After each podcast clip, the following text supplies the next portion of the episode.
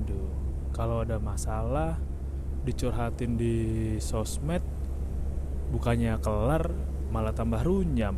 Apalagi persoalan rumah tangga.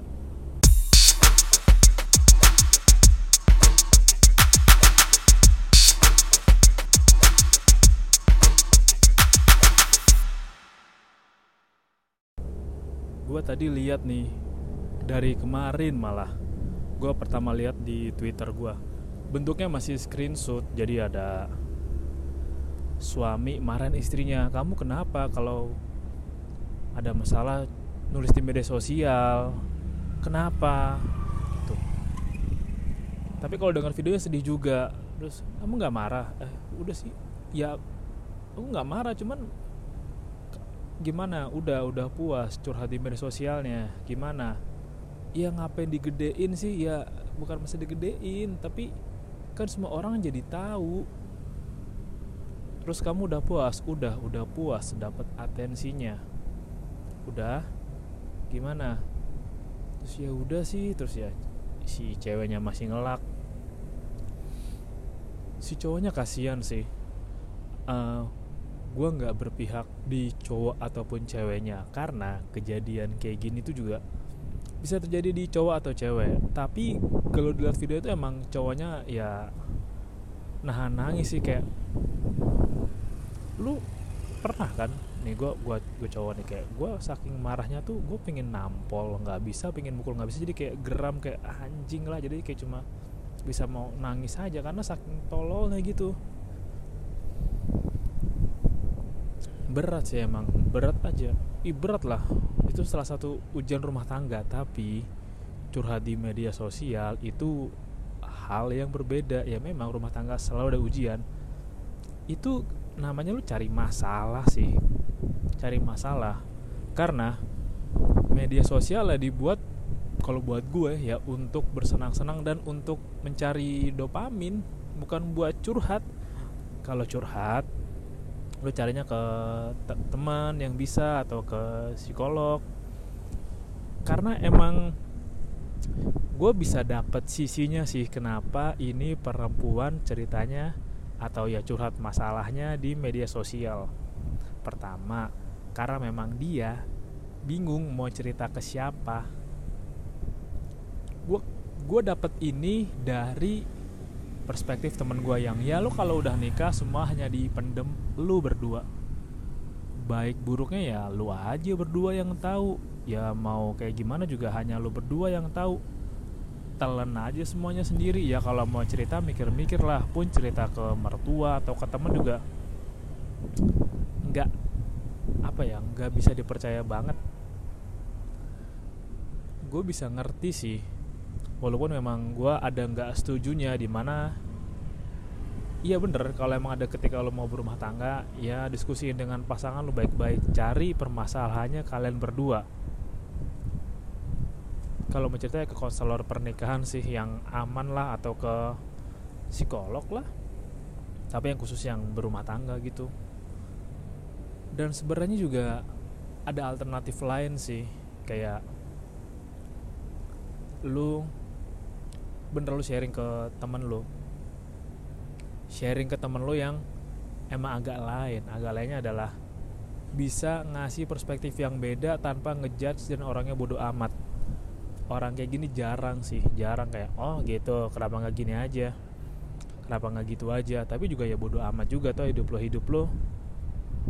Karena gue tahu ketika kita menceritakan masalah ke orang energi negatif kita tuh tersalurkan juga ke lawan bicara kita.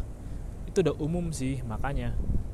Kalau kayak ya konselor atau psikolog gitu dengan orang ngobrol kalau emang energinya negatif banyak banget akan mudah lelah. Apalagi tipe orang yang vampir. Yang sering gue bahas orang vampir itu adalah orang yang akan menyedot kebahagiaan kita. Energi senang kita disedot aja karena emang orangnya menyebarkan hawa negatif itu yang lo mesti hati-hati. Yang akan buat emosi lo jauh merosot dan turun. Dan kedua gue kebayang juga kalau pasti mbaknya ini ngira oh curhat di media sosial nggak apa-apa toh nggak ada yang baca nggak ada yang peduli juga. Jadi hanya sekedar tempat sampah. Ada orang yang ngira kayak gitu ada oke gue cerita sedikit. Gue juga pernah ngalamin di fase itu. Curhat sesekali colongan lah di Facebook. Tapi gue tahan banget karena gue tahu kelihatan tolol gitu kalau misalkan ada cowok terus galau-galau soal cewek kelihatan tolol tahu. Jadi ya dikasih lagu-lagu galau aja lagu-lagu melo aja sambil status-status sendu. Atau kalau lagi bangsat mah ya bikin aja satu sendu padahal cuma ngetes doang apaan sih tolol gitu orang itu lupa meskipun ya kalau mau aman sih lu bikin media sosial nggak punya follower nggak punya following lo bebas ketik apa pun di sana. Bebas nulis apa pun buat ngelampiasin aja karena memang ketika lo ada masalah atau beban cara menguranginnya atau ya ada yang bisa dibilang cara melepaskannya adalah dengan menuliskan. Menuliskan masalahnya apa. Nah mungkin si mbak ini punya prinsip yang ya lah kalau udah gue keluarin di tulisan gue udah tenang. Karena ada juga orang yang kayak gitu. Kayak gue belum beneran lega kalau belum gue ceritain terus menerus sampai rasa gondok atau kesel gue abis ada yang kayak gitu. Makanya beda-beda. Tapi kalau di media sosial yang ini emang ada loh orang yang udah followersnya banyak ya bisa dibilang cakep gitulah atau dikenal atau ya modis terus satu scene galau yang ada ngasih lahan ke orang lain ngasih kesempatan untuk orang lain bisa deketin. Ah nggak mungkin bang. Itu kan udah punya istri. Masa ada yang mau deketin tuh orang tolol aja? Ya lu nggak tahu aja lu nggak tahu aja apa yang bisa terjadi. Banyak hal tahu bisa terjadi sama rumah tangga. Dan banyak hal yang nggak lu tahu di balik layar. Lu tuh cuma ngeliat apa yang di luarnya aja dalam-dalamnya. Be banyak ngejelimet ya. Ada yang menarik ada yang menggugah ada yang di kok bisa? Ada yang kayak gitu tapi gue tahu kalau si istri nyeritain kejelekan suaminya yang pasti dirugin adalah suaminya banget. Nggak tahu kenapa ya gue masih penasaran sih. Kalau ada si cowok gitu nyeritain kejelekan ceweknya nggak ada yang percaya gitu. Atau susah banget dipercaya. Tapi kalau ada cewek yang ngejelekin cowoknya gitu terus ngejelekin pacarnya itu malah oh iya sama gua aja sini sama gua aja sini ini sama gua sini kenapa sini curhat sini. Gue pernah lihat sendiri soalnya jadi adalah temen cewek gua gitu. Terus dia update status galau DM-nya rame rame. Gue ngeliatin kayak wow banyak nih kamu kenapa sih cerita sama aku? Beneran ada yang kayak gitu ayo kenapa sini yuk kita staycation bareng ngobrol deep talk. Ada ada. Lu lu nggak akan duga deh bisa sejauh apa reaksi yang akan muncul dan bisa sewadaw apa gitu. Orang-orang yang berusaha ya mencari perhatian lo adalah dan nggak usah kaget. Nama juga cowok kan emang cowok kan pemburu kan. Masa ada cowok yang diburu pemburu lah? Kita pencari mangsa anjay. Nyari-nyari kayak gitu. Dan jadi tuh semua orang tahu eh, emang sedih sih sedih. Kalau ada istri yang ceritain masalah rumah tangga jadi media sosial tuh emang sedih. Di TikTok juga ada. Tapi kalau gua rasa di TikTok ya ini masih boleh lah. Kenapa? Karena suaminya ada yang kecanduan judi. Nah itu menurut gue barulah nggak apa-apa diceritain. Karena kalau udah judi itu perkaranya ya jangan kan soal uang bisa gadein gadein apa pun. Yang penting gue depo karena emang udah kena tuh kejiwaannya jadi kalau lu ngeliat ada temen lu gitu ngeluhin istri gitu ngeluhin suaminya suka judi ya lu mesti segera bantu lah. Bantu selamatin atau sadarin suaminya. Kalau emang suaminya udah berat banget ya harus ke jalan yang terbaik. Susah loh. Dan oke okay, ada yang berat untuk ngakuin suaminya salah. Ini terkait judi ya. Ada juga yang ah ya udahlah gue simpen sendirilah. Udah ketahuan pas udah hancur-hancurnya. Asli jangankan judi soal pay letter juga. Nah sebelum masuk ke soal perasaan kesalahan soal perasaan gitu kayak misalkan dia tertarik sama pasangan lain atau cewek lain lah atau si cewek tertarik sama cowok lain lah ada pra, ada logika dulu. Kayak terjebak pay letter lah. Karena yang ngerinya apa? Kayak kemarin gue baca ada di kolektor lagi HP malam-malam. Ngancem mau menyita harta benda. Padahal kan nggak boleh ya kayak gitu ya. Malam-malam lo datengin terus ada videonya. Apa namanya? Eh, kredivo ya. Ya gue nyebut nama aja lah orang ada kejadian di twitter malam-malam datang. Yang rugi siapa? Yang malu tuh istrinya. Orang tua istrinya. Wah banyak deh. Kalau soal itu soal duit ya. Dan apalagi soal ya kalau kesalahan soal ah suami gue males nih balikin anduk abis mandi. Itu kayak nggak perlu di, di post di media sosial deh. Karena kedua dia ngerasa juga media sosial nggak ada yang baca nggak ada yang nge padahal ketika lu udah post sesuatu di media sosial semua orang di seluruh dunia bisa lihat postingan lu kalau lu nggak bikin tuh jadi akun personal atau privat. Semua orang di dunia bisa lihat lu.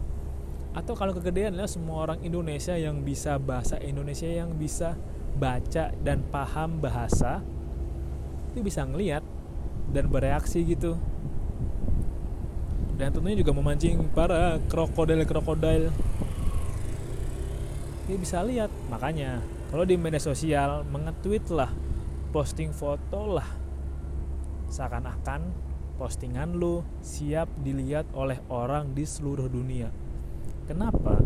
Karena kita nggak pernah tahu konten kita akan sampai sejauh apa akan sampai ke pandangan siapa akan sampai di mana kita nggak akan pernah tahu dan nggak akan pernah nebak apalagi post ke media sosial. Kalau nah ada lagi nih kalau emang pernikahannya belum lama hmm, ada yang namanya shock juga sih. Belum terbiasa lah. Tapi walaupun begitu juga bukan pembenaran sih tentu juga si cowoknya jadi bahan olok-olok dan bahan ketololan.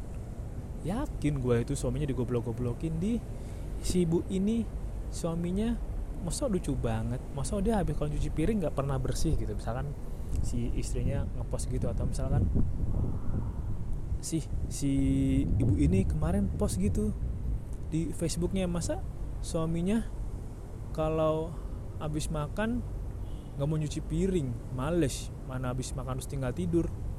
Ada yang kayak gitu. Makanya itu lo yang mesti hati-hati banget hati-hati banget itu kalau sebagai cewek lo post di media sosial lo mesti hati-hati. Karena ya lo juga bawa nama suami pun juga suami harus hati-hati karena juga harus menjaga nama baik istri juga.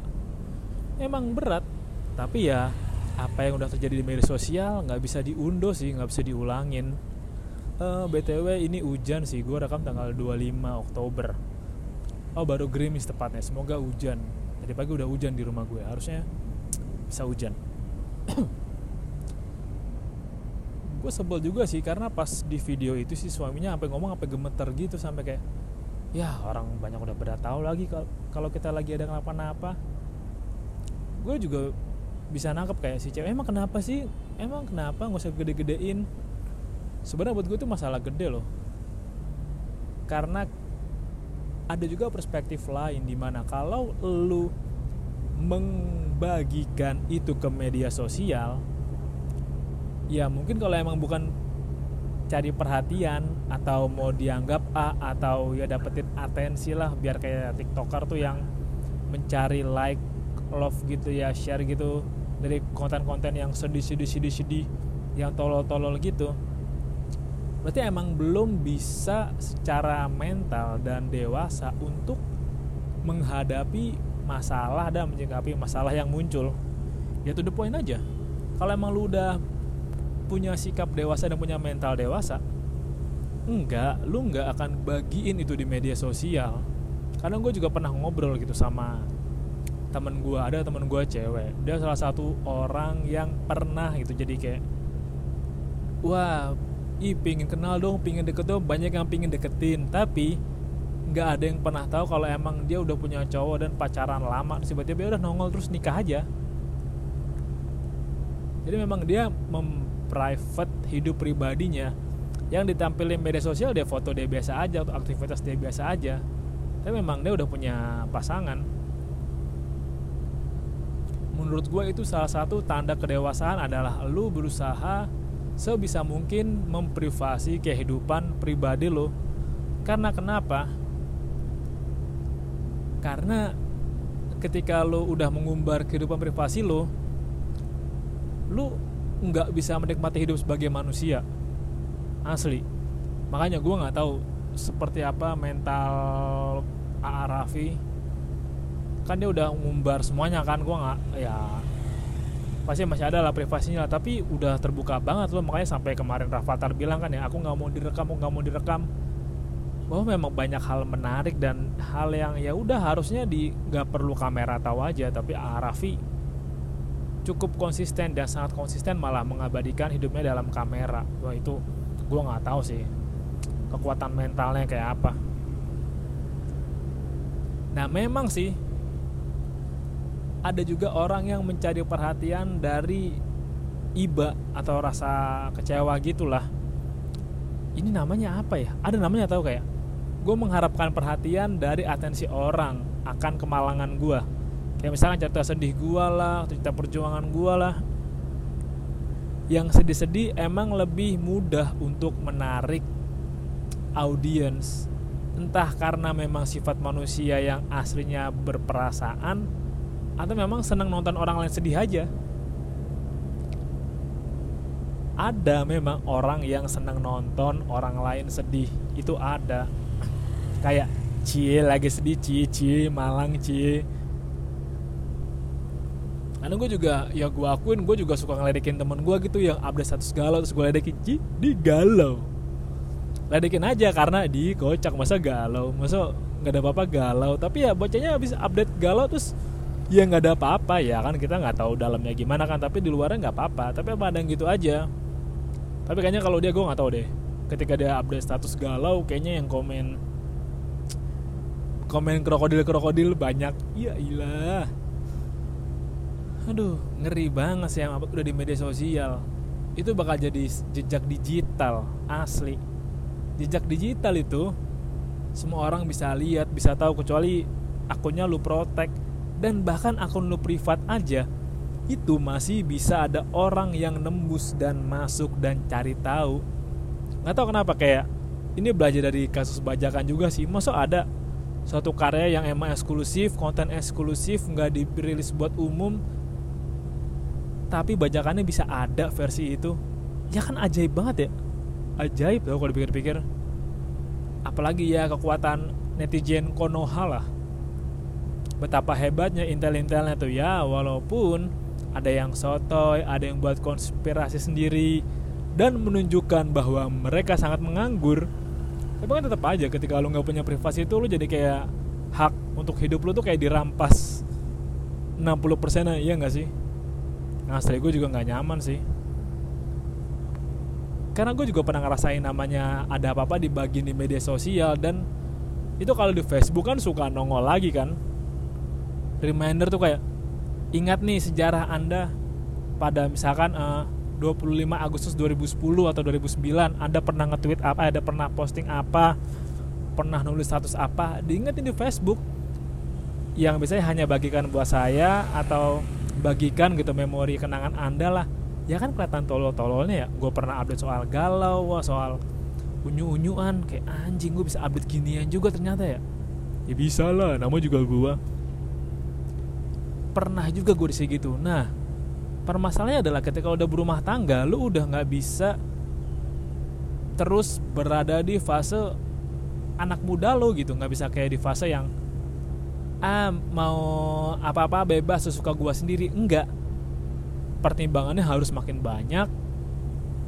Uh, pengambilan keputusannya juga harus makin mempertimbangkan banyak faktor dan tentunya harus dipikir dulu kalau mau ngapa-ngapain itu jadi pertimbangan penting. Anjing gerimis cuma tipis-tipis doang anjing. Udah cuma status dua status doang bis itu hilang. Itu pertimbangan lagi. Dan ya itu tadilah membutuhkan kedewasaan dan sikap mental kalau yang mau menikah. Dan apalagi kalau lo mau share makanya gue selalu bilang lo kalau di media sosial udah lo bagiin yang lucu-lucu aja. Bagiin meme-meme video-video lucu video kucing atau kalau gue ya di Facebook gue ya gue bagiin yang motivasi-motivasi lah. Yang hasil yang disiplin itu lebih bagus dan bisa membuat situasi media sosial kembali menyenangkan. Dan terakhir deh gue mau bilang udah mau 2024 lu mesti hati-hati kalau ngepost sesuatu. Karena bisa jadi apa yang lu post jadi bahan gorengan untuk salah satu kampanye atau jadi bumerang lah buat diri lu sendiri atau buat nyerang lu beberapa tahun atau bahkan beberapa ya udah 10 11 tahun ke depan. Hati-hati aja. Itu sih mau gue share di episode kali ini. Sampai jumpa di episode berikutnya. Bye bye.